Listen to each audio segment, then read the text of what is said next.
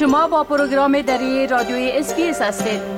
گزارشات عالی را در sbs.com.au/dari پیدا کنید. شنونده های عزیز امروز پنجم ماه دسامبر مصادف است به روز جهانی داوطلبان. همکار ما فتح سامه درباره اهمیت ای روز و سهم داوطلبان در رشد و توسعه اقتصادی و در رفاه جامعه معلومات دارند که با ما و شما شریک می سازند. آقای سامی سلام عرض می کنم خب اولتر از همه اگر باری پس منظر و تاریخ چه روز جهانی داوطلبا صحبت بکنین و همچنان بگوین که شعار امسال برای برگزاری روز بین المللی داوطلبا چی است سلام به شما شنوندای محترم. خدمت هست شد که مجمع عمومی سازمان ملل متحد از دولت دعوت کرده تا روز جهانی داوطلب را بر توسعه اقتصادی و اجتماعی در 5 دسامبر هر سال مطابق قطعنامه چل بر 212 مصاحب عبدی دسامبر 1985 جشن بگیرم و از آنها خواسته تا آگاهی خود در مورد خدمات داوطلبانه افزایش بتن و تعداد بیشتری از مردم در همه بخش خدمات خود را به عنوان داوطلب هم در داخل هم خارج از کشور محسوب بسازد. همچنان در مورد جلب تعداد بیشتر داوطلبان تسهیلات کار آنها ایجاد شبکه های ارتباطی و ارتقای نقش کارهای داوطلبانه و مزایای اقتصادی امرانی و بشری آن برای دولت ها و سازمان ها توسعه و رهنمودار این واقع طی صدور قطعنامه ها خاطر نشان ساخته و توصیه کرده است. از کارهای داوطلبانه حمایت کرده خواستار انتشار گسترده این و کارها شده است. سوال انسانی است که باید قدرت کنش جمعی را تشکیل داد. اگر همه داوطلب می‌شدن دنیا جای بهتر می‌شد. اگر همه کار داوطلب انجام بدن بهتر است.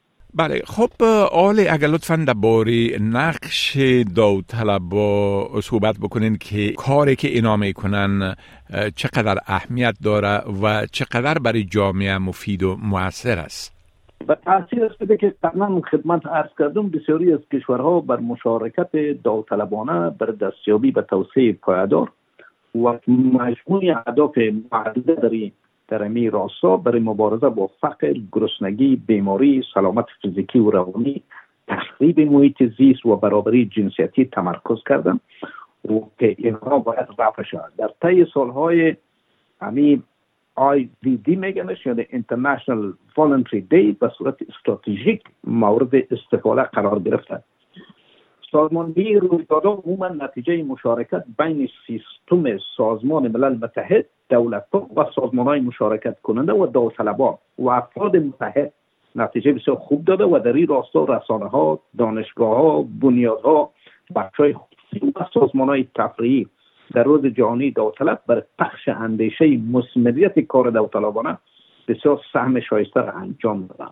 بله خب می‌تونین بگوین که نقش داوطلبات در استرالیا چطور است و چند نفر در استرالیا سالانه به حیث داوطلب کار می‌کنن و در کدام بخش ها کمک می‌کنن و چی کار چی نوع کارها می‌کنن؟ بله داوطلبا در استرالیا زیر شعار تغییر جامعه تغییر و تحول زندگی است. هر سال برگزار میشه. گرچه این شعارا فرق می‌کنه. این برگزاری با رویه همبستگی با همان روز جهانی داوطلبا و رضاکارهای مللی سازمان ملل متحد است. اما در کشورهای مختلف و تا ایالات مختلف در روزهای مختلف سال برگزار میشه. داوطلبا در استرالیا در کارهای پاکاری محیط زیست جمع کردن مثلا چیزای آشغال آشغالی و دست کنار آبها بوتل و قطی و کاغذ و پلاستیک که پراگنده میشه در کنار جاده ها و در کنار ایزگاه های قطار و بس های شهری اقدام می‌کنه و همچنان پاکاری کنار آب دریا و جویا و رفتا اشیای ناخواسته و ملوث پاک می‌کنن به طور تخمین ارزش کار داوطلب ها به 290 میلیون دلار در سال تخمین میشه. گرچه این رقم به مراتب بالاتر از نظر به ارقامی که از منابع ریسرچ و تحقیق به دست میاد سالانه بیش از 40 درصد مردم از سال 2010 قرار که ارقام نشان میده در کارهای داوطلبانه سهم به گونه یک سهم خود انجام دادن بله و در پالوی ازی همچنان در فعالیت های آتش نشانی جنگل سوزی و در خدمات اجتماعی خدمات برای معیوبین و در بخش های گوناگون اینا کارهای می‌کنن و خدمات انجام میتن که همش بسیار خدمات مفید است. یعنی در کارهای اجتماعی کارهای فرهنگی و کارهای رفایی اینا نقش می‌گیرن. خب می‌تونین بگوین که چطور مردم می‌تونن که در کارهای داوطلبانه سهم بگیرن و کسایی که علاقمند هستن که ثبت نام بکنن برای کارهای داوطلبانه ایره از چی طریق می‌تونن بکنن؟ البته می‌تونن که گوگل کنن و اونجا نهادهای کارهای داوطلبانه است و یکی از اونها ثبت نام کنن و یا خودشان مستقل می‌تونن که یک بخشی از کار داوطلبانه در مورد علاقه خود او مردم دیگر هم جلب کنه و خودشان او رو ثبت کنن و بعد از او اقدام بکنه به کار داوطلبانه و نگفته نمونه که برای قدردانی از این کسای کار داوطلبانه گوی نامه قدردانی میشه از کامپاین برای کسایی که سهم خوب گرفته یا نهادهایی که گرفته. یک گوی نامه الکترونیکی هم برای بله به یک تصدیق تقدیر از کارهایشان برشان بله، داده بله. میشه. بله.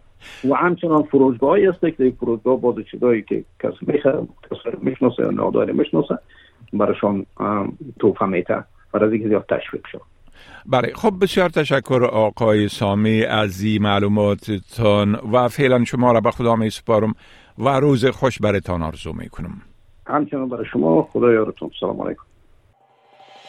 می خواهید این گونه گزارش ها را بیشتر بشنوید؟ به این گزارشات از طریق Apple Podcast، Google Podcast، Spotify و یا هر جایی که پادکاستتان را می گیرید گوش دهید.